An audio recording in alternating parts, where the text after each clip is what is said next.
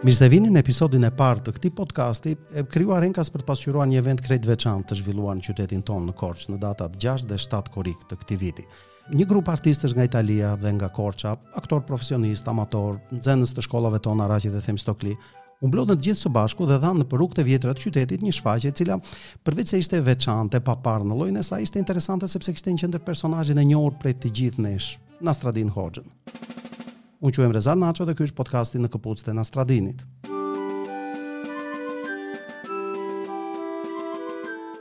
E vërteta është që shkuam si spektator të respektuar të uleshim karige dhe të ndiqnim shfaqen, e u detyruam pastaj të ngriheshim dhe ta ndiqnim Nastradinin, i cili na fshije, na videj në në, në për rrugica, në për qoshe, duke ndaluar herë në një sheshe, herë në një rrugë për të na treguar ato historitë e tij humoristike.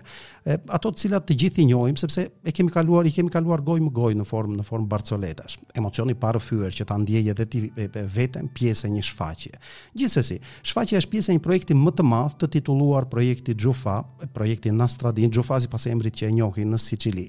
Për të folur për shfaqjen dhe projektin vet, e, jam i nderuar të kem sot të ftuar në studio ideatoren, krijuesen dhe shkrimtaren zonjën Laura Fatini, e cila jeton dhe punon në Itali, në Toskanë, e diplomuar për filozofi politike në Universitetin e Perugias dhe ka një karrierë të gjatë krijuese në lëmin teatror, por jo vetëm, me një portofol të mbushur me skenar, regjizura, projekte teatrore, thelbi i, i të cilave nga sa kam kuptuar, është bukuria e diversitetit në këtë botë. Mirë se vjen zonja Fatini. Mirëmëngjes. I ftuari i dytë është Francesco Piparelli, di- i diplomuar në Universitetin e Firenze, studiuar në Francë, në Mbretërinë e Bashkuar për kulturë, komunikim dhe arte, si mjet i ndryshimit në ndihmë të, të, të demokracisë. Ka qenë 6 vjet pjesë e projektit e, The Complete Freedom of Truth, një rrjet që përdor artin si mjet për të fuqizuar të rinj, të ata që ndihen të minjanuar prej shoqërisë. Në këtë shfaqje ka luajtur rolin e njërit prej Nastradinëve, po në e, e, kësaj radhe në Korç kontributi i tij ishte tek pjesa e organizimit të publikut. Francesco mirë se vjen, Mirëmëngjes. Faleminderit. Dhe i ftuari i tretë është Redi Asabella, dhe ishtë nxënës im, këtë e them me krenari. I diplomuar në Tiranë për administrim të shkencave humane dhe politika sociale, si dhe në Universitetin Sapienca të Romës për gjuhësi, kulturë, letërsi dhe përkthim. E, I cili në fakt është ideatori i udhëtimit të Nastradinit në Korçë. Pra, është ai që pati idenë, u përpoq dhe organizoi dhe e solli këtë projekt, e, projektin Xhufa pra në Korçë. Mirë se vjen Redi. Mirëmëngjes. Faleminderit. Zonja Fatini, pyetja e parë që më lind ka të bëjë me e me me emrin e personazhit që është thelbi i gjithë projektit tuaj. E, Xhufan, Astradin Hoxha, Mulla Nasreddin, cili është emri i vërtet i tij? Dhe për të emrin ta mund t'i japim këtij personazhi një një pamje, një fytyrë, një veshje, një besim, një kombësi. Domethënë, cili është identiteti i tij? Dunque, questa è mm, veramente una bella domanda a cui è difficile rispondere, nel senso che Giufà non ha un solo nome. Kjo është një pyetje shumë e bukur ë, dhe të të bën të, të kuptosh diçka që është shumë e rëndësishme që Xhufa nuk ka vetëm një emër. Ho scelto il nome di Giufà semplicemente perché in Italia è più conosciuto come Giufà. Kam zgjedhur Xhufa sepse thjesht sepse në Itali emri i tij më i njohur është Xhufa e specialmente in Sicilia naturalmente. dhe veçanërisht në Sicili. E poi anche perché i siciliani sono ovunque praticamente. Dhe mbi të gjitha sepse sicilianët janë gjithandej. e quindi ogni volta che vado a fare lo spettacolo o anche il laboratorio, non solo in Italia ma anche all'estero, Dhe sa herë që shkoj dhe bëj laborator dhe shfaqe në, në Itali, po edhe jo vetëm dhe jashtë Italisë, e domando chi conosce Giufà, dhe pyes kush e njeh Xhufan, c'è sempre qualcuno che alza la mano. është gjithmonë diç- dikush që ngre dorën. Però questo succede anche se dicessi chi conosce Nasradin. Po kjo ndodh edhe kur pyes kush njeh Nastradinin. E questa è- è una delle motivazioni che mi ha spinto a studiare questo personaggio. Dhe kjo është një nga arsyet që më ka shtyë që të studioj këtë personazh. Quindi non ha un, un nome solo, Kështu që nuk ka një emër të vetëm, come non ha una sola identità siç nuk ka asnjë identitet të e vetëm un solo carattere. dhe një karakter ose një një farë karakteristikash. E questo fa sì che tutti noi ci possiamo rivedere in lui. Dhe kjo bën që që të gjithë ne të mund ta gjejmë veten te ky personazh. E con noi non intendo gli italiani o gli albanesi o i siciliani, Dhe me ne nuk dua të them e, italianët, sicilianët apo shqiptarët, ma diciamo un po' l'umanità. po le të themi njerëzimin. D'altronde Shakespeare diceva che una rosa è sempre una rosa, anche se non ha quel nome. Shakespeare siç e dim ka thënë që një trëndafil është një trëndafil edhe pse nuk ka emrin trëndafil. E se lo diceva Shakespeare, chi sono io per negarlo? Dhe nëse e thot Shakespeare kush jam unë për ta mohuar? Në fakt kam lexuar sepse në kërkimet tuaja keni arritur në përfundimin që Nastradini ka disa tipare të përbashkëta në të gjitha vendet ku ai shfaqet, si shtatë edhe ju. E, është gjithmonë i varfër. Është naiv por është edhe dinak. E, budalla po njëkohësisht dhe i zgjuar. I çuditshëm dhe i veçantë deri në atë pikë sa të të ndihet i huaj në mjedisin ku jeton. Si do të interpretonit këto karakteristika shpesh të papërputhshme të tij që nuk janë në përputhje me njëra tjetrën, në kontradikt me njëra tjetrën? Mm, dunque, eh, io ho lavorato su questo personaggio dal 2014 Eh, Kam punuar për, për mbi këtë personazh që nga 2014-a e ho più o meno raccolto 400 storie, dhe kam mbledhur pak a shumë 400 histori, differenti sia per origine sia per nome del personaggio, të ndryshme si për nga origjina e historisë vet, si për emrin e personazhit. e tutte riconducibili a, questo- a questa figura. Dhe të gjitha të të drejtojnë pikërisht te kjo figurë. E ultimamente ho visto che sono usciti anche dei libri in Italia su Giufà, Dhe së fundmi kam parë që kanë dalë edhe disa libra në Itali mbi Gjufan, multilingue, quindi ci sono sia in arabo che in italiano, m- dy gjuhësh, pra janë eh, si në arabisht edhe në italisht, eh, siciliano ad esempio. në, në, në dialektin sicilian ose në gjuhën siciliane. La- il mio punto di vista non è sem- stato semplicemente quello della raccolta delle storie, Pikpamja ime nuk ka qenë thjesht mbledhja e historive, perché questo avrebbe reso la- il mio lavoro semplicemente il lavoro di un collezionista. sepse kjo do i kishte bërë punën time punën e një koleksionisti që thjesht mbliste histori. Pur non essendo laureata in antropologia, Edhe pse nuk kam një diplomë në antropologji, ero interessata a Giufà eh, dal punto di vista antropologico e filosofico. isha interesuar mbi Gjufan nga pikpamja antropologjike dhe filozofike. Quindi ho, ho cercato queste caratteristiche, Kështu që kam kërkuar këto karakteristika, cioè le caratteristiche che ci facevano capire che quelle erano storie dello stesso personaggio. karakteristika pra që na tregonin që këto histori ishin të lidhura me të njëjtin personazh. Anche se una volta era saggio, una volta era sciocco, una volta era bambino e una volta era uomo. Dhe pikërisht sepse në një sh- histori shfaqet si i zgjuar, në një histori shfaqet si budalla, në një histori shfaqet si fëmijë i vogël, në një histori shfaqet si i- i moshuar. E così confrontandomi anche con vari studiosi, Dhe kështu duke u, u konfrontuar edhe me studiues të tjerë, ho capito questo, kam kuptuar këtë. che innanzitutto questo personaggio ha un suo modo di usare la lingua, Që mbi të gjitha ky personazh ka mënyrën e vet të përdorit të gjuhës, sia che sia metaforico, eh, che sia un giudice o che sia un, eh, uno sciocco, qoftë nëse është një gjyqtar i mençur ose në qoftë se është një mendje lehtë, një hokatar, non capisce le metafore, nuk i kupton metaforat, non capisce i doppi sensi. nuk i kupton kuptimet e dyfishta. Quando è giudice eh, utilizza ehm, il suo modo di utilizzare la lingua Kur është gjyqtar, përdor mënyrën e tij të përdorit të gjuhës per, ehm, come si dice in italiano, dar pan per focaccia al macellaio, per esempio. Për shembull, eh, siç thuhet në italisht, ti japësh bukën për fokaçën në, në italisht, po është si thuash Sapunin për i, djath. i, i jep sapunin për djath, eh, siç ndodh në, në historinë me kasapin gjatë shfaqjes. Quindi in ogni caso eh, non, si, non si arrende al, al sopruso, Kështu që nuk eh, dorëzohet përpara eh, prepotencës, ma utilizza lo stesso modo di pensare del macellaio por përdor të njëjtën mënyrë mendimi të kasapit per far vincere il povero. që të i varfrit të fitojnë dhe kasapin. La stessa cosa succede nelle storie siciliane in cui Giufà è uno sciocco. Në të njëjtën mënyrë historitë zhvillohen në pjesën e siciliane, pra aty ku Gjufa konsiderohet si mendje lehtë. E questo mi ha fatto pensare una cosa, Dhe kjo më bëri të mendoja diçka, che potesse essere uno straniero, që të mund të ishte një i huaj, che non capisse bene la lingua, që nuk e kuptonte mirë gjuhën, perché come sono io quando parlo una lingua che non conosco bene, siç jam unë kur jam në një ambient ku nuk flas gjuhën, të cilën flitet në atë ambient. non capisco i doppi sensi, non capisco gli scherzi, ad esempio. Nuk kuptoj shakat, nuk kuptoj kuptimet e dyfishta, e kam të vështirë. E le persone possono pensare che sono ingenua Dhe njerëzit mund të mendojnë që jam eh, naive, o peggio stupida.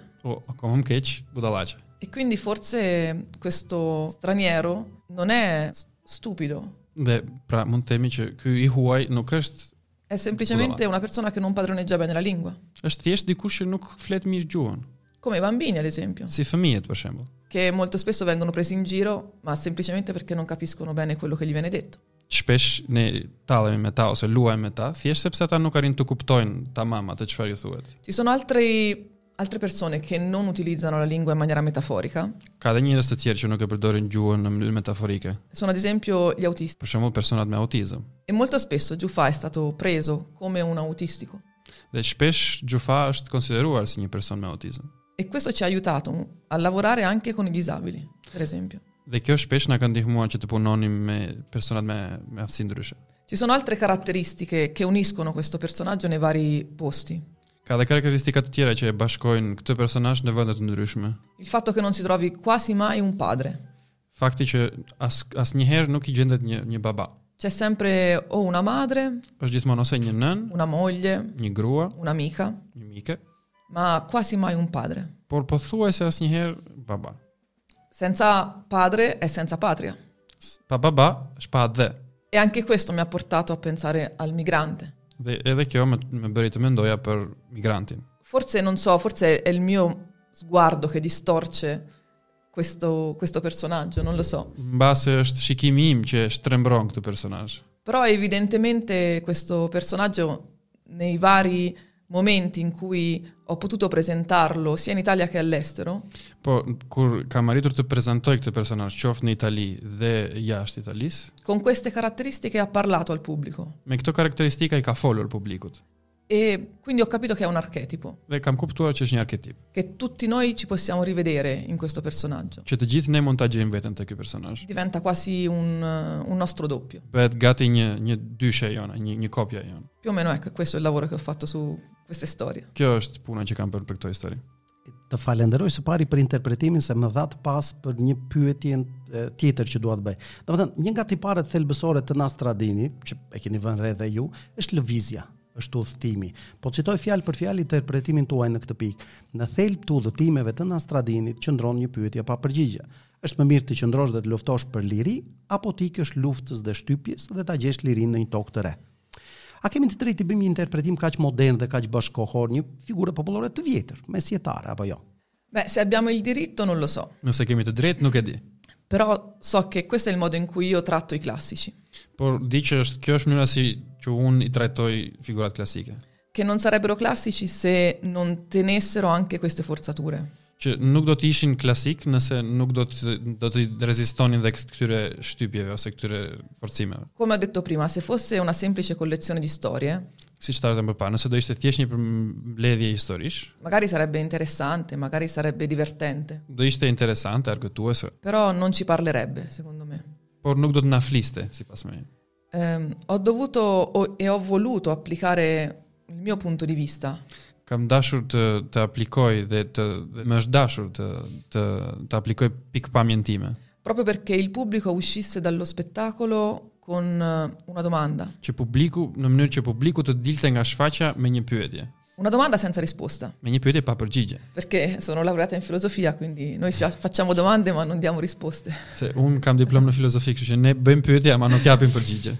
Eh, scherzi a parte, nella tragedia greca Për te shakave në tragjedinë greke, eh, la cosa interessante è che si affrontano sempre due punti di vista ugualmente condivisibili. është fakti që trajtohen dy pikpamje në të njëjtën mënyrë dhe në të njëjtën formë dhe në të njëjtën ndarje le të themi, të të pranueshme nga publiku. Ad esempio in Antigone possiamo sia dar retta e ragione ad Antigone, Për shembull, te Antigone mund të japim të drejtë Antigones, ma anche a Creonte, po edhe Kreonti. a seconda di- anche del periodo storico in cui viviamo. Duke u bazuar edhe në periudhën historike në cilën jetojmë. L'importante è fare quella domanda. E rëndësishme është para që ta bëjmë atë pyetje. E a me interessava proprio porre questa domanda. Dhe mua më interesonte pikërisht që ta bëja këtë. E quindi mi sono inventata un antagonista Dhe kështu që m, shpika një antagoniste a questo Giufà, ndaj Gjufas, che è la donna dal fiore rosso. që është gruaja me lulet kuqe. Quindi da una parte abbiamo un uomo che, che viaggia Nga njëra anë kemi një burr që udhëton per cercare la libertà. për të kërkuar lirinë.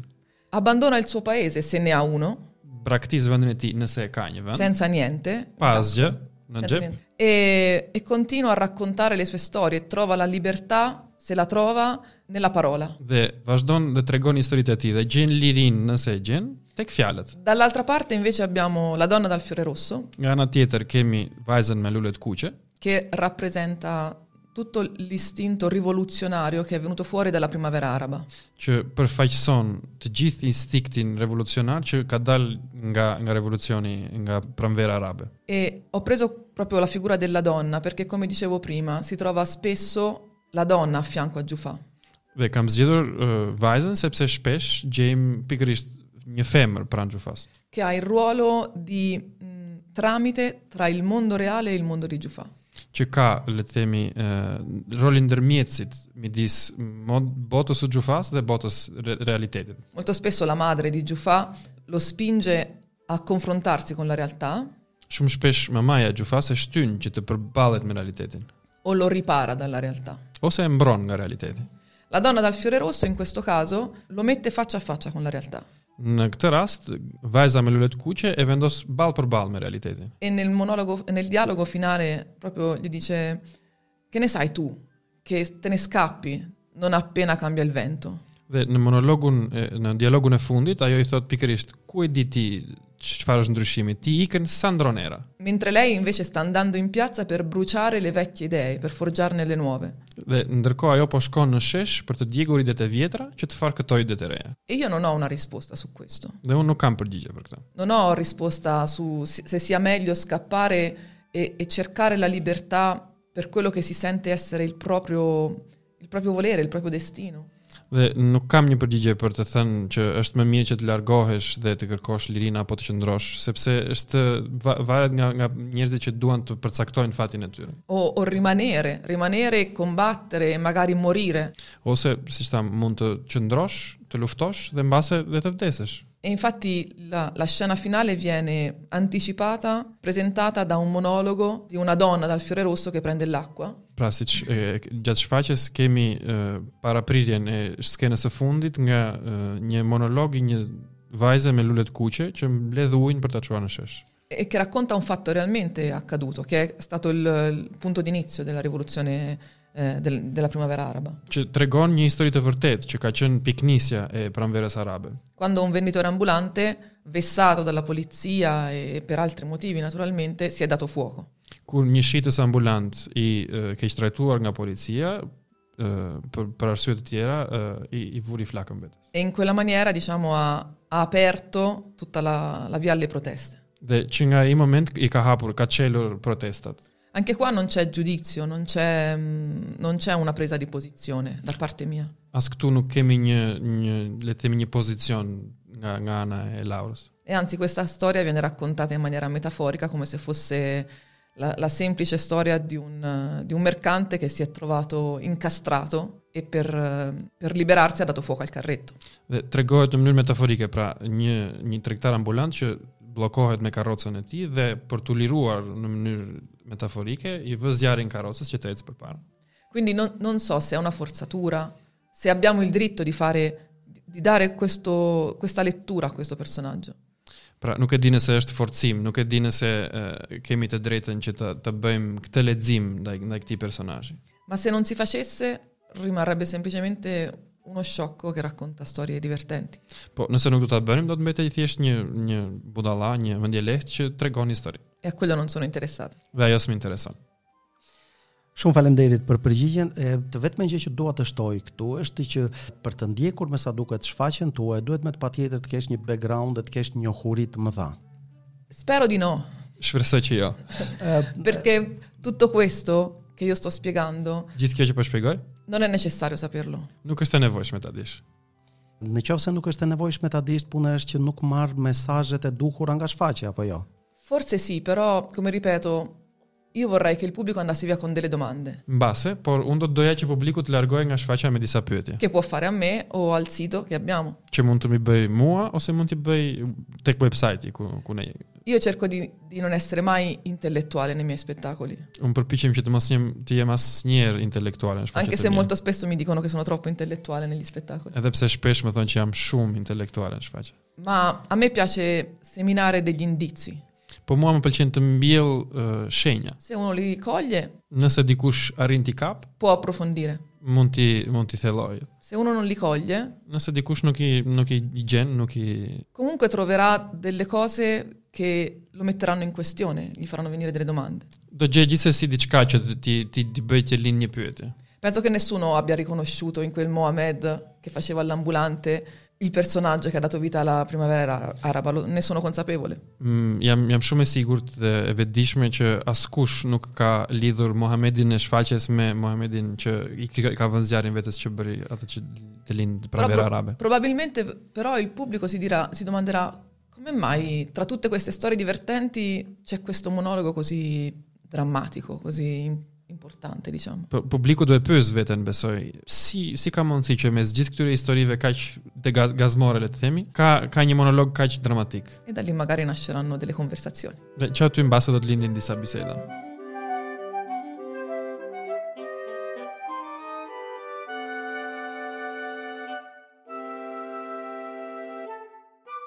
që t'i kthehemi projektit. Ëm çfarë është në thel projekti Xhufa dhe si ka lindur? Domethënë si lindi ideja që shfaqjet e ndryshme të një personazhi në Evropë ti litnit me lëvizje dhe udhëtimet njerëzore dhe pastaj këtë me temën e nxehtë të këtyre dekadave të fundit, pra me migrimin.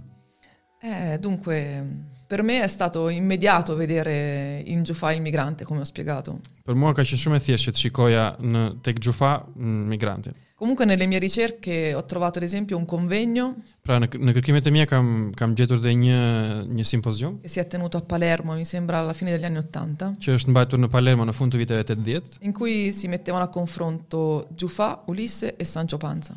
ku vendoseshin në, në përballje eh, Xhufa, Odisea dhe Sancho Panza. E naturalmente è straordinario perché uno pensa a Sancho Panza, va bene, è un personaggio letterario piuttosto conosciuto, Të është fantastike sepse ti mendon, ok, Sancho Panza është një personazh, le të themi, abasa mjaft, mjaftueshëm i njohur. Ulisse, accidenti, è la rappresentazione della conoscenza, della volontà di conoscere. Odisea pastaj është përfaqëson dëshirën për të njohur, dëshirën për të, të eksploruar e dell'astuzia. dhe të zgjuarësisë.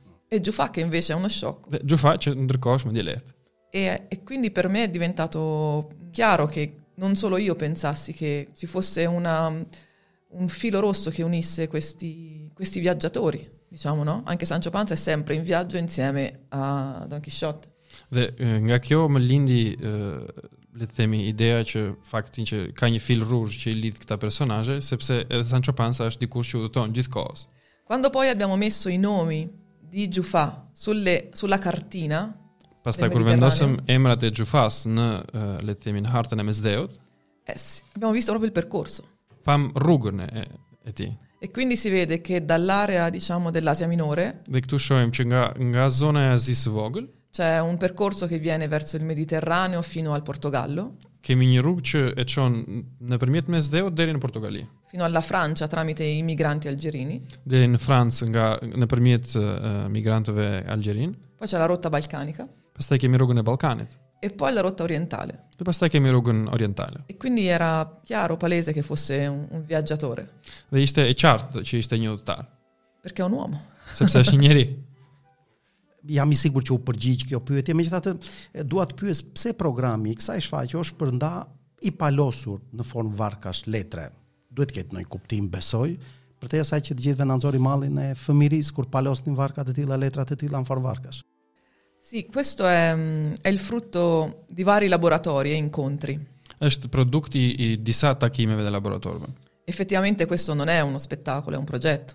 Ky nuk është një kjo nuk është një shfaqje, është një projekt. Quindi io ho fisicamente una valigia, Un kam fizikisht një një valixhe, che è la valigia di Giufa, që është valixhe e Xhufas, dove metto tutte le cose che raccolgo da ogni spettacolo e laboratorio. ku vendos çdo gjë që mbledh nga çdo shfaqje dhe nga çdo laborator. E ci sono gomitoli di lana, ad esempio, Dhe ka uh, toptha uh, leshi, fiori rossi lulet kuqe e tante barchette di carta. dhe shumë varka letre.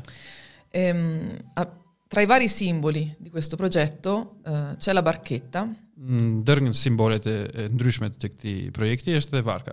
Prima cosa perché è un gioco da bambini Pikse pari sepse është lojë për fëmijë. e quando mi trovo a lavorare con persone che non parlano la mia lingua, Dhe kur uh, duhet të punoj me njerëz që nuk flasin gjuhën time, facciamo delle cose con le mani bëjmë diçka me duar. e fare le barchette di carta è una delle prime cose. Dhe të bësh varka letër është një nga gjërat e para që bëjmë. E è una delle prime cose che fanno mettere in contatto le persone. Dhe është një gjë, një nga gjërat e para që i bën njerëzit të lidhen me një, të kenë kontakt. Io so fare la barchetta, tu no, Unë di të bëj varkën ti jo, te la insegno. le ta mësoj. Tu la sai fare in un'altra maniera, mi insegni la tua Ti maniera. ta bësh në një mënyrë tjetër, ti më mëson teknikën tënde. E così iniziamo a parlare. Dhe kështu fillojmë të flasim. La seconda cosa è perché è molto semplice come forma. E dyta është sepse është shumë e thjeshtë si si formë. L'abbiamo data ai bambini, loro l'hanno messa nella fontana. Gjatë shfaqjes ja u dham fëmijëve, ata e vendosën tek uh, uh, Shatrivan. Shatrivan. È un, un semplice modo per eh, indicare il viaggio. Është një, dhe një mënyrë e thjeshtë për të treguar udhëtimin. E quando in Italia si volevano chiudere i porti, Dhe kur në Itali donin të mbylleshin portet, tutte le piazze sono state invase di barchette di carta. të gjitha sheshet u pushtuan nga nga varka letrash. Quindi per me è diventato un simbolo importante. Dhe për mua u bë një simbol i rëndësishëm. E l'ultimo motivo è perché queste barchette rimangono. Ë arsyeja e fundit është se këto varka mbeten. Rimangono sia nelle mani degli attori che magari se le portano a casa, Mbeten qoftë në duart e aktorëve që mase i çojnë në shtëpi, sia al pubblico qoftë edhe te publiku, e sia per il paese, per la città. ose edhe gje- në rrugët e qytetit. E quindi è come quel seme del fiore rosso che poi diventa Beh. appunto un fiore, chissà dove. Dhe është fara, e, si fare e asaj lules kuqet që mbilet dhe bëhet lule dhe shkon kush e diku. E, me qënë se jemi tek udhëtimja, cila është lidhja e formatit të kësaj shfaqe, shfaqe itinerare e kështë të shkruar dhe në afish, me thelbin e figurës të Nastradinit. Dua them cila është arsyeja që spektatori duhet të lerë komfortin e karigjes të teatrit për të ndjekur e, e, për të ndjekur shfaqen. Sì, io sono quasi ossessionata dalla connessione tra forma e contenuto. Uh, unë jam gati e, e fiksuar me lidhjen midis formës dhe përmbajtjes. E il teatro per fortuna mi permette di giocare con la forma. Teatri për fat të mirë më, më lejon që të luaj me formën. Eh, questo spettacolo è andato in scena in forma itinerante ma anche in forma statica. Ky spektakël, kjo shfaqje ka ka ka, shk ka shkuar në skenë qoftë në formë itinerante, qoftë në formë fikse. Ma in forma itinerante eh, dà il meglio di sé, secondo me. Por në në në formën itinerante jep më të mirën e mundshme. C'è proprio un momento in cui Giufa all'inizio Ka një moment ku Xhufa në fillim dice voi le scarpe le avete? thotë ju i keni këpucët. Beh, allora camminate. Atëre, hajde. Ecim. Che può significare dal- nel mio mondo intellettuale? Që mund të thotë në në, në botën time intelektuale, Voi la testa l'avete, kokën e keni, ragionate. mendoni. Il cuore l'avete, Zemrën e keni, mettetevi nei panni degli altri. vëreni veten në vend të të tjerëve. Quindi fare alzare fisicamente il pubblico Pra ta ta ngresh publikun fizikisht të çohet e fargli seguire le orme di Giufa dhe të bëjmë të ndjekim uh, gjurmët e xhufas, significa dirgli state in movimento. do të thotë uh, jini në lëvizje, Non- qëndroni në lëvizje. Non vi sedete davanti al televisore e giudicate da quello che vedete, Kështu që mos rrini përpara televizorit dhe gjykoni atë që shihni, ma fate, agite. por veproni. Venite dietro a me. Hajdeni pas meje. E allora, solamente allora, il corpo e la mente si mettono in movimento. Dhe atëherë, dhe vetëm atëherë, trupi dhe mendja vjen në lëvizje. E questo diventa, diventa l'unico modo per me per eh, avere un dialogo con il pubblico, non un monologo in cui io parlo e loro ascoltano passivamente. Dhe kjo është mënyra e vetme sipas meje ku unë mund të mund të ndërtoj një dialog me me publikun. Jo unë që bëj një monolog pasiv dhe publiku e, e thjesht e percepton, por të krijojmë një dialog, një bashkëbisedim me publikun. A proposito della forma Dhe përsa i përket formës e della barchetta, dhe varkës, ehm, io metto in atto in molti spettacoli, ma questo- in questo in particolare, vë në, në jetë në shumë shfaqje, por në këtë në veçanti, una sorta di inganno nei confronti del pubblico. një farë mashtrimi në drejt publikut. Noi iniziamo in maniera divertente, colorata, piena di musica, Ne fillojmë në një e, mënyrë argëtuese, të nj- me, me plot ngjyra, e, me muzikë, in maniera innocente, diciamo. në mënyrë të pafajshme le të themi. Così tutti vengono a vederci. Kjo që të gjithë do vinë të na shohin, Grandi, bambini, të mëdhenj, të vegjël, chi può essere accogliente nei confronti dei migranti e degli stranieri, kush mund të jetë e, mikpritës në në për përkundrejt të të huajve apo migrantëve. anche chi invece non la pensa così, Edhe ata njerëz që nuk e mendoj kështu. chi ama il teatro e chi no, perché se lo trova tra i piedi, in mezzo alla, alla strada. Kush e do teatrin dhe kush jo, sepse e gjen në në për rrugë, e gjen në shtëpi. Così catturo l'attenzione del pubblico. Kështu kap vëmendjen e publikut. Poi piano piano, piano piano, Pastaj ngadal ngadal, ngadal ngadal, gli arriva un pugno allo stomaco. i japim një grush në stomak. E ormai sono lì. Atë janë janë aty, s'kan nga të shkojnë. E, Në fakt si shtot edhe vetë Nastradini në një moment nga sa më kujtohet që yjet janë kudo që ti shikosh edhe nga brenda dritares dhe nga brenda shtëpisë janë të njëjtat, s'ka nevojë të shkosh deri aty jo, thot Nastradini, duhet të shkosh aty. Sì, sì, è proprio il dialogo tra, tra tutti coloro che eh, si oppongono ai nostri sogni, Është dialogu midis atyre gjithë atyre që e, ju kundërvijen ëndrave tona, che per, anche per pigrizia ti dicono no, ma che vai a fare? që edhe për për mm, le të themi e, pjesën e e përtacisë, nuk nuk nuk- mos e merr mundimin, mos dil nga shtëpia. e che alimentano anche la nostra paura del diverso e dell'andare al di fuori della propria zona di comfort. Dhe që rritin dhe që ish ushqejnë frikën tonë për të dalë nga zona e komfortit. E invece Giuffà, Ndërkohë që kemi Gjufan, che dice no, ma non è vero, le onde non sono uguali dappertutto, dhe që thotë që jo, jo, nuk është e vërtet, dalgët nuk janë njësoj gjithandej. bisogna andare a vedere. Duhet të dalim e të shohim.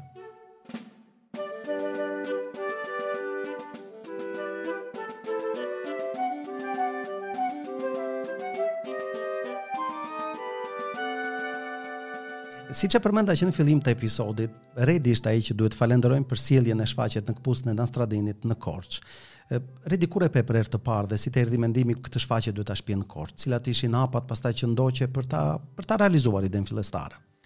Uh, atëre, uh, unë kam qënë disa herë në shfaqet e uh, trupës a Riskjanti, që është, uh, le të themi, trupa teatrore me të cilën Laura punon prej disa vitesh. Uh, E, dhe të lutem, mund të marr përkthesh në shqip këtë sepse është shumë interesante. E, E, ja, riskante. emrin e emrin e, E, tiru- e trupës. rrezikonjësit do të ishte për për për, për kthimi. Ëm është ishte shumë interesante fakti që ëm për mua personalisht Gjufa nuk nuk më, nuk përfaqësonte asgjë. Pra, unë isha thjesht me pëlqente puna sepse kisha qenë në spektakle të mëparshme të, të trupës dhe thash, ok, po shkoj të shoh edhe këtë. Për më tepër sepse ishte një shfaqje itinerante, thash, diçka e re, kështu që uh, shkoj të shoh shfaqjen dhe gjatë shfaqjes, sidomos në pje- tek pjesa me sultanin, thash, prit një sekond. Unë këtë personazh e njoh. Ky është Nastradini. Dhe në momentin kur filluan pastaj gratë të përmendin emrin e Nastradini, thash, a, ja këtu qen ka. Dhe ëm që është e vërteta mua më, më pëlqeu shumë si shfaqje qoftë performën, qoftë për përmbajtjen dhe e, si spektator dola vërtet me pyetje, domethënë ë, nga nga shfaqja. Ideja ishte pastaj që i shkrova Laurës në në 2019-ën, por Laura nuk është njeriu më teknologjik i mundshëm, kështu që nuk mora kur përgjigje nga kjo. Ë pastaj si shton që njohjet janë shumë të rëndësishme në jetë, kështu që arrita që të gjej një kontakt tjetër me trupën e, e, e tu- trupën teatrore dhe i shkruaj një email të dytë gjatë Kështu pandemisë. kështu funksionojmë këtu domethënë në Ballkan dhe me gjë. Dhe e, i shkruaj një email të dytë ku prezantohem, i them që më pëlqen shumë shfaqja, do doja që ta përktheja të paktën tekstin sepse teksti ishte i mrekullueshëm për mua. Dhe thash, ku i dihet, një ditë mund ta çojmë në në në në kodrat e qytetit ose në në këmbët e qytetit, në këmbët e malit të Moravës, në, në qytetin tim të lindjes, sepse më pëlqeu vërtet shumë formati. Dhe ideja ime fillestare ishte që të bëhej në një kodër siç bëhet në në Sarteano, kur njerëzit nisen nga sheshi i i, i fshatit, le të themi, dhe ngjiten drejt kalas dhe aty në kala janë skenat e fundit. Pra, ishte le të themi një një një diçka që erdhi si një dëshirë thjesht për të përkthyer sepse isha një një spektator shumë shumë i kënaqur nga shfaqja dhe doja që edhe njerëz të tjerë të kishin mundësinë që të shijonin këtë lloj shfaqje, të shijonin këtë lloj uh, spektakli. Dhe mbi të gjitha, është diçka që siç e thamë më parë këtu në Korçë është e, le të themi e pazakont, për të mos thënë që është diçka që nuk nuk konsiderohet si si teatr, por është totalisht e, diçka Është diçka e inovative. re, diçka inovative, Inovative. diçka. Pikërisht këtu dua të ndaloj dhe dua të bëj pyetje për të dy, ndoshta edhe e, e, e, Laura mund të përgjigjet për këtë. Domethënë, publiku korçar, të paktën me sa dim, nuk është se ka pasur eksperienca të tilla me shfaqje të tilla më parë apo jo. Pra, mund të konsiderohet shfaqje vështirë kjo, dhe nëse konsiderohet shfaqje vështirë, e, si u përballët, si te i kaluat vështirësitë, pengesat, ndoshta stepjen, ndoshta mosbesimin. Dunque, il teatro di strada è considerato il cugino povero, povero, povero del teatro, che già di per sé è povero. Pra, teatri i rrugës është konsi- e, konsiderohet si kushiri i varfër, i varfër, i varfër, i varfër i teatrit që edhe ai vet është i varfër. Però è quello che ti dà la possibilità di andare alla radice del teatro. Por është ai që të jep mundësinë që të shkosh tek rrënjët e teatrit. In questi giorni è morto Peter Brook, Në këto ditë ka vdekur Peter Brook, che è stato uno dei maestri, forse il maestro del teatro del Novecento. që ka qenë një nga mjeshtrat ose më të themi mjeshtri i teatrit të shekullit të kaluar. E lui diceva in una frase sua famosissima Në një fjalinë të tij shumë të njohur, che basta avere uno spazio vuoto, mjafton të keni një hapësirë boshe, una persona che la attraversa e agisce një dikush që e, e përshkruan e, dhe dhe vepron e una persona che guarda, dhe dikush që sheh e quello è teatro. dhe ai është teatr. Quindi il teatro è una relazione. Pra teatri është një lidhje E forse è l'unica arte che ha alla base una relazione. dhe është ndoshta i vetmi art që në, në thelb të tij ka një marrëdhënie. Nel teatro di strada questa relazione è proprio alla base. Dhe në teatrin e rrugës kjo kjo marrëdhënie është pikërisht në në, në themelet e tij. Quindi sì, c'è stata e c'è sia in Albania che in Italia un- una sorta di pregiudizio verso il teatro di strada. Dhe sigurisht që po, ka qoftë në Itali, po edhe edhe në Shqipëri normalisht, një farë uh, paragjykimi ndaj teatrit të rrugës. Ma è più un pregiudizio degli attori che del pubblico. Por është më tepër një një paragjykim i aktorëve më shumë se sa i publikut, Perché il pubblico riconosce immediatamente la passione sepse publiku e dallon më njëherë pasionin. e mh, nel momento in cui questa passione è più vicina, Në momentin kur ky pasion është më afër, la sente di più. e ndjen më tepër. Quindi io penso che mh, abbiamo dimostrato con il lavoro Dhe unë besoj se e kemi treguar nëpërmjet punës che il teatro di strada non è un teatro non professionale, që teatri i rrugës nuk është teatr jo profesional. che anzi ha- ha, ha bisogno di ancora più professionalità, Madje ka nevojë për më tepër profesionalitet. perché non ha le luci, non ha i costumi, ehm, anche se ha i costumi, ma non ha i costumi così perfetti, ad esempio come il teatro tradizionale, diciamo, il, te- il teatro in teatro. Pra, ë, nuk sepse nuk ka dri- ndriçimin, ë, fonin, nuk ka kostumet siç bëhen për teatrin në teatr, E- perché è un teatro vero. sepse është një teatr i vërtet. Nel, nel teatro di strada, almeno in quello che abbiamo fatto noi con eh, Giufà, Në teatrin e rrugës, po të paktën me atë që kemi bërë ne me Xhufan, ad esempio abbiamo utilizzato dei vestiti veri. kemi përdorur rroba të vërteta. I, co- i vestiti veri raccontano delle storie. Rrobat e vërteta tregojnë histori. I costumi teatrali messi in strada Kostumet teatrore të vënë në rrugë risultano falsi. duken falso. Quindi, secondo me, abbiamo un po' iniziato a, a scardinare questo pregiudizio sul Cioè- teatro di strada. Kështu që kemi filluar që ta ta çmontojmë nga pak nga pak këtë paragjykim ndaj teatrit të rrugës. Në fakt, edhe teatri vjetër grek nuk kishte as drita, as foni, por ka prodhuar kryevepra apo jo. E si fa ancora. Dhe luhet ende. Francesco, kam një pyetje në kas për ty. Do të thënë, dikur ke luajtur e, rolin e njërit prej Nastradinëve, por këtë shfaqje në fakt Francesco ka pasur një rol më të veçantë, delikat do thoja, organizimin e publikut.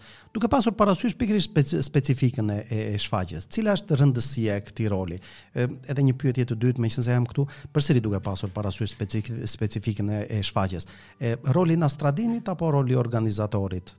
Allora, secondo me sono entrambi ruoli molto difficili, però il, il discorso è che so- il, il ruolo dell'organizzatore di pubblico, di quello che porta in giro le persone, è assolutamente superfluo da un certo punto di vista alla storia, perché potrebbe benissimo essere qualcuno del teatro, vestito con la camicia e i pantaloni, a indirizzare il pubblico e a fare di qua, di qua, di qua, o il poliziotto che aiuta a chiudere la strada. Se però si crea un teatro di strada vero, non ti vedo, scusa. Mi devi dallo spazio. Ok, scusa. Se ma non mi ricordo di tutto. Janë të dy ë, role të, të vështira, por nëse nga njëra anë për sa i përket rolit të organizatorit publik ose përfshirësit të publikut, ë, atë mund ta bëjë dhe dikush i veshur me këmish ë, nga teatri që vjen atje dhe drejton publikun ose mund ta bëjë thjesht polici që bllokon rrugën. e, e- e quindi rimane fondamentale e necessario solamente il personaggio che è all'interno della storia. Dhe mbetet thelbësor personazhi që është brenda historisë. Però è anche vero che in questo tipo di costruzione di teatro di strada si va a cercare di creare un ambiente dove tutto è spettacolo e tutti sono attori. Por Po, n- në këto në këto lloj organizime përpiqemi që të të krijojmë diçka që gjithçka që ndodhet aty të jetë shfaqe. Pra të gjithë janë aktorë. Avevamo Gildo che è un musicista che però non era nella buca dell'orchestra, era attivo. Le të themi që kishim në Gjildon që ishte muzikanti që ama nuk ishte në, në pjesën ku duhet ish- duhet jetë orkestra, por ishte mes publikut. Eh sì, qua si è semplicemente forse visto eh, di più che i giovani vedevano, i giovani e chi non aveva fatto teatro di strada vedevano in eh, me, in eh, Piero, in Zamira, le persone magari un pochino più esperte in questo tipo di cose, come non ci si dovesse vergognare ad urlare per strada, a fare le capriole e a creare nel pubblico una situazione di interesse ma al contempo di attenzione e curiosità. Dhe ë, n- ajo që donim të bënim gjithashtu ishte që të t'ju tregonim të rinjve që të mos kishin turp, që të bërtisnin rrugë, të të thrisnin njerëzit, t'i afroheshin, të bënin edhe kollotumbat në mënyrë që të të mos kishin ë, ndrojtjen dhe të të ftonin publikun që të të afrohej dhe të bëjë pjesë e shfaqjes. akoma më jehojnë në veshë, erdi Nastradini, erdi Nastradini dhe e, kam parasysh kollotumbat e, e E Francesco. ancora io non ho la voce, infatti. Prandaj nuk kam zë ende. e dim që nuk ishte eksperiencë të tillë, e, publiku korçart në shfaqje të tilla. Atëre, e, sa i vështirë ishte ta organizoje ta sillje këtë publik, ta implikoje. Domethënë çfarë prisje dhe si tu përgjigj publiku korçar? Secondo me è uguale al pubblico italiano, poi non so Laura se vuoi aggiungi qualcosa tu, però eh, il pubblico di Corcia era esattamente come il pubblico italiano, cioè prima ti dice ma questo cosa sta facendo è uno sciocco, che però è anche quello che uno direbbe a Giofà, e poi piano piano se tu hai la capacità di creare un, un contatto, un'intimità anche semplicemente con uno sguardo, con, con un bambino, con un adulto, si crea una reazione a catena che li porta a seguire da una piccola capriola di teatro di strada all'inizio al monologo finale dove arriva il famoso cazzotto nello stomaco. Ë, pra normalisht publiku si në Itali dhe në Shqipëri është i njëjti, të reagon në të njëjtën mënyrë. Çfarë ndodh është që në fillim të shohin, po ky çfarë po bën? Pse bën kollotumba në shesh? Pse e bërtet? Dhe në momentin që ti je i Zotit dhe arrin që të krijosh qoftë një kontakt viziv, një një shikim, një një buzëqeshje, qoftë me një tritur apo me një me një fëmijë, është dhe njëta gjë që do t'i thoshin edhe Xhufas dhe Nastradinit. Mendi, po që ky mendieleti çfarë bën? Dhe pastaj vjen ajo që dal nga dal ti arrin të ndërtosh gjatë shfaqjes, që është siç tham, ai grushti në stomak që të vjen me me skenën e fundit. Një pyetje tjetër. E, e kam pyetje për të tre në fakt. Deri më sot shfaqja është dhënë vetëm në vendet brenda komunitetit evropian, Itali, e, Portugali, Angli apo jo. E, A e shkuat ndonjëherë në përmend faktin që Shqipëria, duke qenë një vend që prodhon më tepër se sa pret emigrant, do të ndikonte në mënyrën se si do të perceptohej shfaqja këtu. Dua të them, a e mendua ndonjëherë se ishte nevojshme të bëjë ndonjë ndryshim në skenar? Allora, innanzitutto, avendo come protagonista, almeno in Italia, un eh, siciliano, Të paktën në Italinë ne kishim protagonistin sicilian, che è venuto qui, tra l'altro, perché Calogero è siciliano, që ka ardhur këtu sepse Kalogjero l'attore che fa Giufà. aktori që bën Xhufan është sicilian. Beh, la Sicilia ha prodotto più migranti quasi di tutta l'Italia, credo. Sicilia ka prodhuar më shumë migrantë se gjithë Italia bashkë. Quindi, semmai c'è stato sempre mh, la, la mia voglia di essere delicati Ka pa, ka qenë gjithmonë dëshira ime për të qenë delikat, nell'affrontare questo tema. teksa trajtonim këtë temë. Nello spettacolo di Sarteano, la scena finale Në në shfaqjen e Sarteano, skena e fundit, vedeva tutti i Giufà con il giacchetto di salvataggio arancione i i, i paraqiste gjithë çufat me e, jelekun e shpëtimit sulla barca. në varg. Per inciso erano tutti bianchi di pelle, Ishin të gjithë të bardhë në, në, l- nga lëkura, mentre c'erano gli africani, ndërkohë që ishin afrikanë, un gruppo di ragazzi che ha lavorato con me erano dei rifugiati, një, një grup të rinj që ish që kanë punuar me Laurën, që ishin refugjat, che tendevano le mani per salvarli. që i zgjasnin duart për t'i shpëtuar. Quindi ribaltando proprio l'immagine solita che vediamo noi nelle coste italiane. Pra duke e përmbysur atë imazhin që ne shohim shpesh në në brigjet e Italisë. Quindi la, la tematica della, della migrazione è proprio alla base. Pra tematika e migracionit është në në thelb të, të shfaqjes. È anche il motivo per cui uno dei nostri simboli è la porta. Dhe është eh, pikërisht një nga arsyet pse eh, simbol, një nga simbolet e shfaqjes është dhe dera. La porta si apre o si chiude. Dera ose hapet ose mbyllet. A Lampedusa hanno costruito un telaio enorme Në në Lampedusa kanë ndërtuar një një telajo të stërmadhe che si chiama La Porta d'Europa, që quhet Porta e Europës, che è solamente un telaio ma non è una porta, që është thjesht një telajo por nuk është një derë. quindi è sempre aperta. Ky është gjithmonë e hapur. E Giuffà alla fine dice proprio come se fosse un segreto. Dhe Xhufa në në, në fund të shfaqjes thotë si të ishte një sekret. Dice, lo sapete che le porte rosse galleggiano? Dhe thotë e dini që dyert e kuqe lundrojnë. Quindi dice, io sono venuto con questa porta, Un kam ardhur me këtë derë, mm? che sembrava un gioco, sembrava una që sciocchezza. duke një lojë, që duke një diçka Quindi sì, la tematica della migrazione sarà affrontata nei vari laboratori e spettacoli in maniera differente. Pra, po, është eh, tematika e migracionit është për le të themi e kemi uh, trajtuar në mënyrë të ndryshme në spektaklet dhe në laboratoret eh, në vende të ndryshme. Ma anche lavorare ad esempio in Inghilterra, Por edhe të punosh në Angli con la Brexit, me Brexitin, eh, su queste tematiche non è stato facile. me këto tematika nuk ka qenë e lehtë. E- e non era facile per gli inglesi, Nuk ishte e lehtë për anglezët non era facile ad esempio per i rifiu- rifugiati siriani che lavoravano con noi, dhe nuk ishte e lehtë as për refugjatët sirian që punonin me ne, che erano dei musicisti që ishin muzikantë scappati dal conservatorio, që e kishin mbathur nga konservatori, abituati a fare tournée mondiali që ishin mësuar të bënin turne botror e che tramite la loro porta rossa, che era la musica, dhe fal derës të tyre të kuqe që ishte muzika, sono riusciti ad arrivare i- in, in Inghilterra. kishin bërë të mundur që të arrinin në Angli. Secondo me non è facile da nessuna parte parlare di queste tematiche, Si pas me nuk është as, askunde lehtë për të, për të trajtuar këto tematika. anche perché il viaggio non è solamente un viaggio fisico, Sepse udhtimi nuk është thjesht një udhtim fizik. può essere un viaggio emotivo, Mund të jetë një udhtim emocional eh, un viaggio interno, ose një udhtim i brendshëm, un cambiamento. një ndryshim.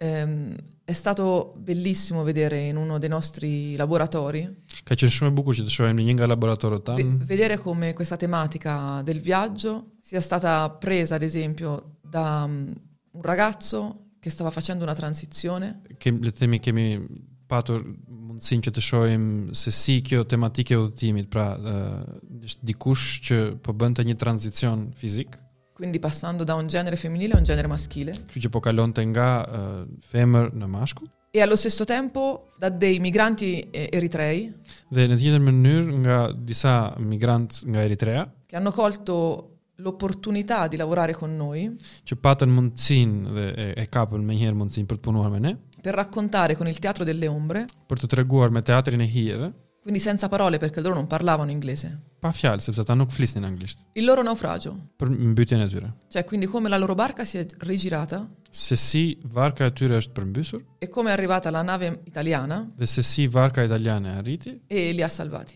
dhe i shpëtoi.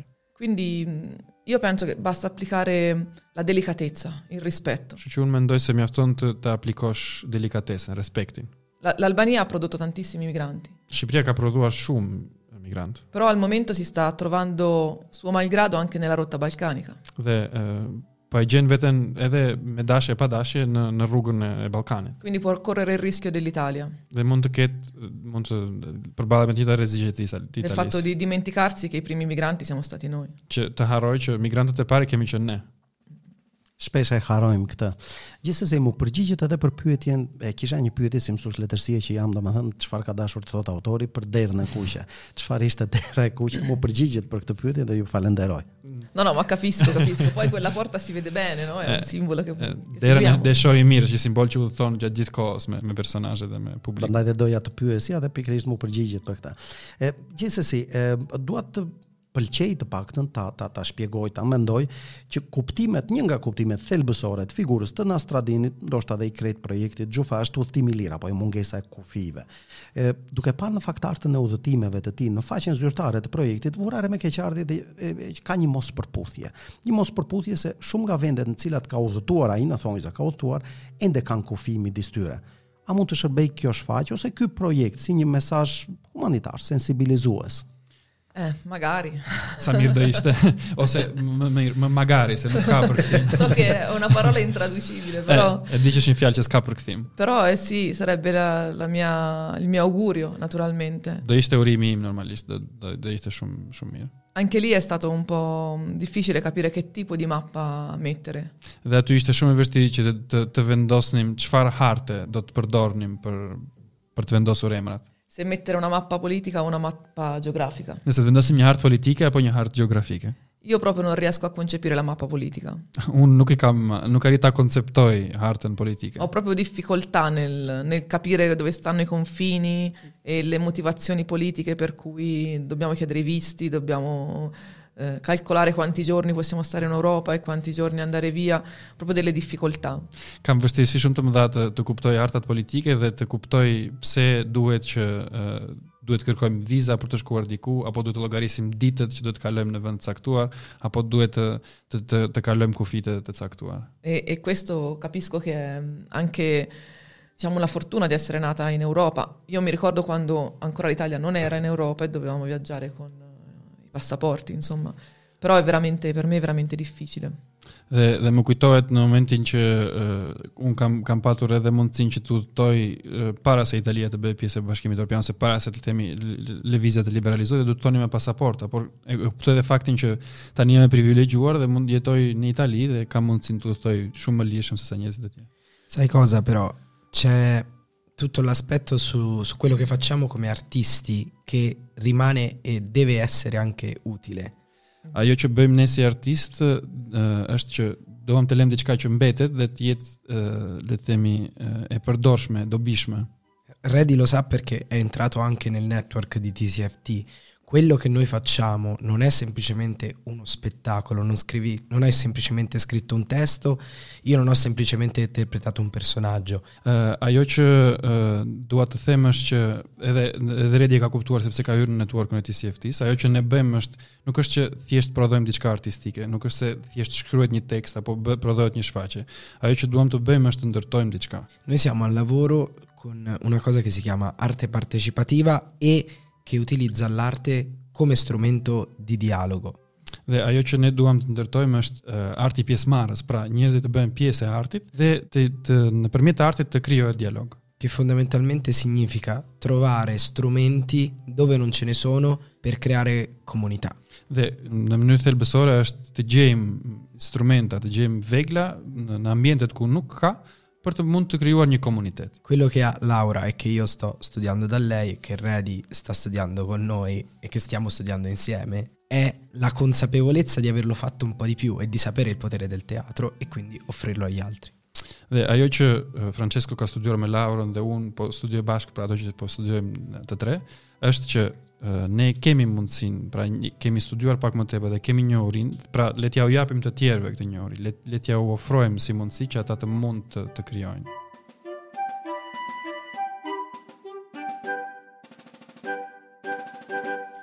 Në përfundim të kësaj interviste, doja t'ju pyesja cilat ishin përshtypjet tuaja, është për Laurën dhe për Franceskon patjetër, ë, nga kjo eksperiencë korçare. Domethënë, cila është porosia, cili është mesazhi që mund t'i lini korçarëve në veçantë apo shqiptarëve në përgjithësi, ose ndoshta është thënë më më më thjesht çfarë do të mendit në valizhën e Nastradinit nga Korça. Cinque sciarpe. Pesë shaje. Eh, Dunque, come succede sempre in queste occasioni, Siç ndodh gjithmonë për këto ë, të tilla raste, si prende sempre più di quello che si lascia. merr me vete gjithmonë më tepër se sa atë që jep. Intanto ci siamo presi ready, Ndërkohë, ë, jemi që jemi morëm redin me vete, che insomma è già un, un bell'acquisto. që është një- një blerje, blerje mirë. No, poi a parte scherzi, questa è la quarta volta che veniamo a Corcia Për për te shakave, kjo është e katërt që vim në Korçë e speriamo di continuare a venire dhe dhe shpresojmë që të, të kemi mundësinë të vim përsëri e venire per lavorare, dhe të vim për të punuar. perché è in questa maniera che si conoscono le cose, le persone, i posti. Dhe sepse është në në këtë mënyrë që njihen njerëzit, vendet, personat. Quando si fa un lavoro che si ama, naturalmente. Kur bën një punë që e, e do, natyrisht. Mm, Qua, ad esempio, ho scoperto che mm, c'è una comunità di ragazzi e ragazze molto attiva, Ë, Këtu kam zbuluar që ka një një komunitet të rinj shumë shumë aktiv. che mm, ama il teatro senza saperlo që e do teatrin pa e ditur e, mm, e che secondo me avrebbe bisogno di, di essere più inclusa nel teatro, forse. dhe që sipas meje kanë nevojën për të qenë më të përfshirë në teatr. Quindi questo è un po', credo, quello che un po' abbiamo dato noi. Dhe mendoj që kjo është ajo që pak kemi dhënë ne në kuptimin dham këtë input. La consapevolezza che non c'è differenza tra professionisti e non professionisti. Vetdia që nuk ka diferencë, nuk ka ndryshim midis profesionistëve dhe jo profesionistëve. Una- non c'è una differenza qualitativa, N- Nuk ka një diferencë në, në cilësi. è solamente una differenza monetaria, Ka vetëm një diferencë monetare che talvolta non conta niente. që shpeshherë nuk nuk vlen asgjë.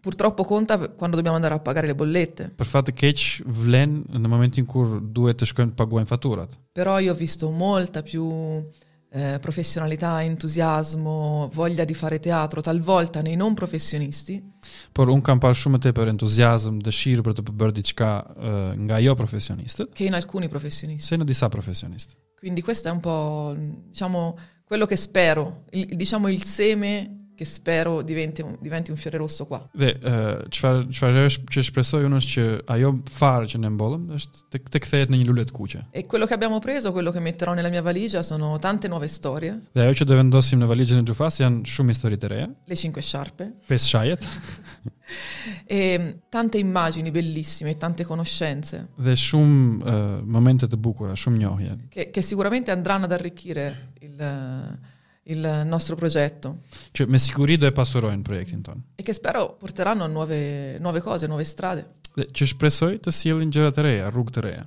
perché ancora quella porta rossa galleggia. sepse akoma ajo dera e kuqe lundron. Io porto via la speranza perché abbiamo, secondo me, come dice Laura, dato qualcosa specialmente ai giovani unë marr me vete uh, shpresën sepse siç thot Laura, ne kemi dhënë vedjen, kemi dhënë diçka të rinjve, ju kemi dhënë një shpresë. E questi giovani che magari per, eh, eh, perché amano essere guardati, perché amano raccontare storie, perché amano far ridere, possano capire che non lo fanno soltanto per quello, ma che ci può essere qualcosa sotto che passa. Dhe këta të rinj që kanë qef që të shihen, kanë qef të tregojnë një histori, kanë qef që të bëjnë për të qeshur, të të kuptojnë që nuk bëhet kjo shfaqje ose le të themi kjo punë vetëm për këtë, por bëhet edhe për të dërguar një mesazh, bëhet edhe për të për të prodhuar diçka më, më të rëndësishme. Ma la vera domanda è, Reddy, tu cosa porti via, visto che questa è casa tua e che hai portato questa cosa? Po pyetja është ti re di çfarë merr me vete duke qenë se kjo është shtëpia jote. Ajo që unë marr me vete eh, janë këta të dy. Eh, marrim njëri tjetrin domethënë. Ajo që unë marr me vete është vetdia që nëse ka dëshirë çdo gjë mund të bëhet. Pra nëse njerëzit janë të gatshëm dhe ka një hapje të vogël, një nëse ajo dera është vetëm pak e hapur, atëherë dera mund të të shpërthej dhe nga aty të hyj drita, siç siç thotë Leonard Cohen, është nga aty ku hyn drita. Ë mendoj që ë, është shumë e rëndësishme që të rinjt, sidomos në qytete të vogla, sepse e dim shumë mirë që Tirana është një një pol shumë i madh i i ku ku mund të gjesh pothuajse gjithçka. Ë shumë e rëndësishme që të japim mundësinë të rinjve që të të bëhen pjesë e, e komunitetit, të bëhen pjesë e, e jetës artistike të qytetit, në mënyrë që nesër pas nesër qyteti të mos ketë vetëm një teatr, po të ketë dy teatro, të ketë një teatr të rinj, të ketë një teatr kukullash për të rinj, të ketë mundësinë që të formohen përpara se të shkojnë në akademi, sepse siç Laura vuri re, këtu ë, në në për fat të keq ne nuk kemi një një kulturë formimi për të rinj, në kuptimin që kush shkon në akademinë e, e arteve, shkon sepse është i zoti, shkon sepse ë, e ka pasion, por njerëz që mbase do donin ta kishin ë, dhe të donin të bënin ë, teatr ose të bënin muzikë ose të bënin çfarë do lloj ë, forme të artit, nuk e kanë mundësinë që ta ta ushtrojnë në mënyrë jo profesionale. Pra, jo ta kenë si impenjim kryesor, por ta bëjnë në kohën e tyre të lirë, që të mos ë, le të themi të, të kenë një një jetë pasive, por të kenë një jetë aktive ë, edhe për për komunitetin. Jam totalisht dakord, sepse në fund fundit edhe kjo studio podcasti është realizimi një lloj ideje të tillë. Falenderoj nga zemra të tre miqtë që pranuan të intervistoheshin dhe me bujarin na mundsuan të hitnim një sy- sy më vëzhgues, le të themi, në brendsinë dhe në kuptimin e shfaqjes, si dhe të kuptonim rëndësinë dhe vlerën e një projekti të tillë si projekti Xhufa. E, Faleminderit zonja Fatini, Francesco, Redi, shumë faleminderit.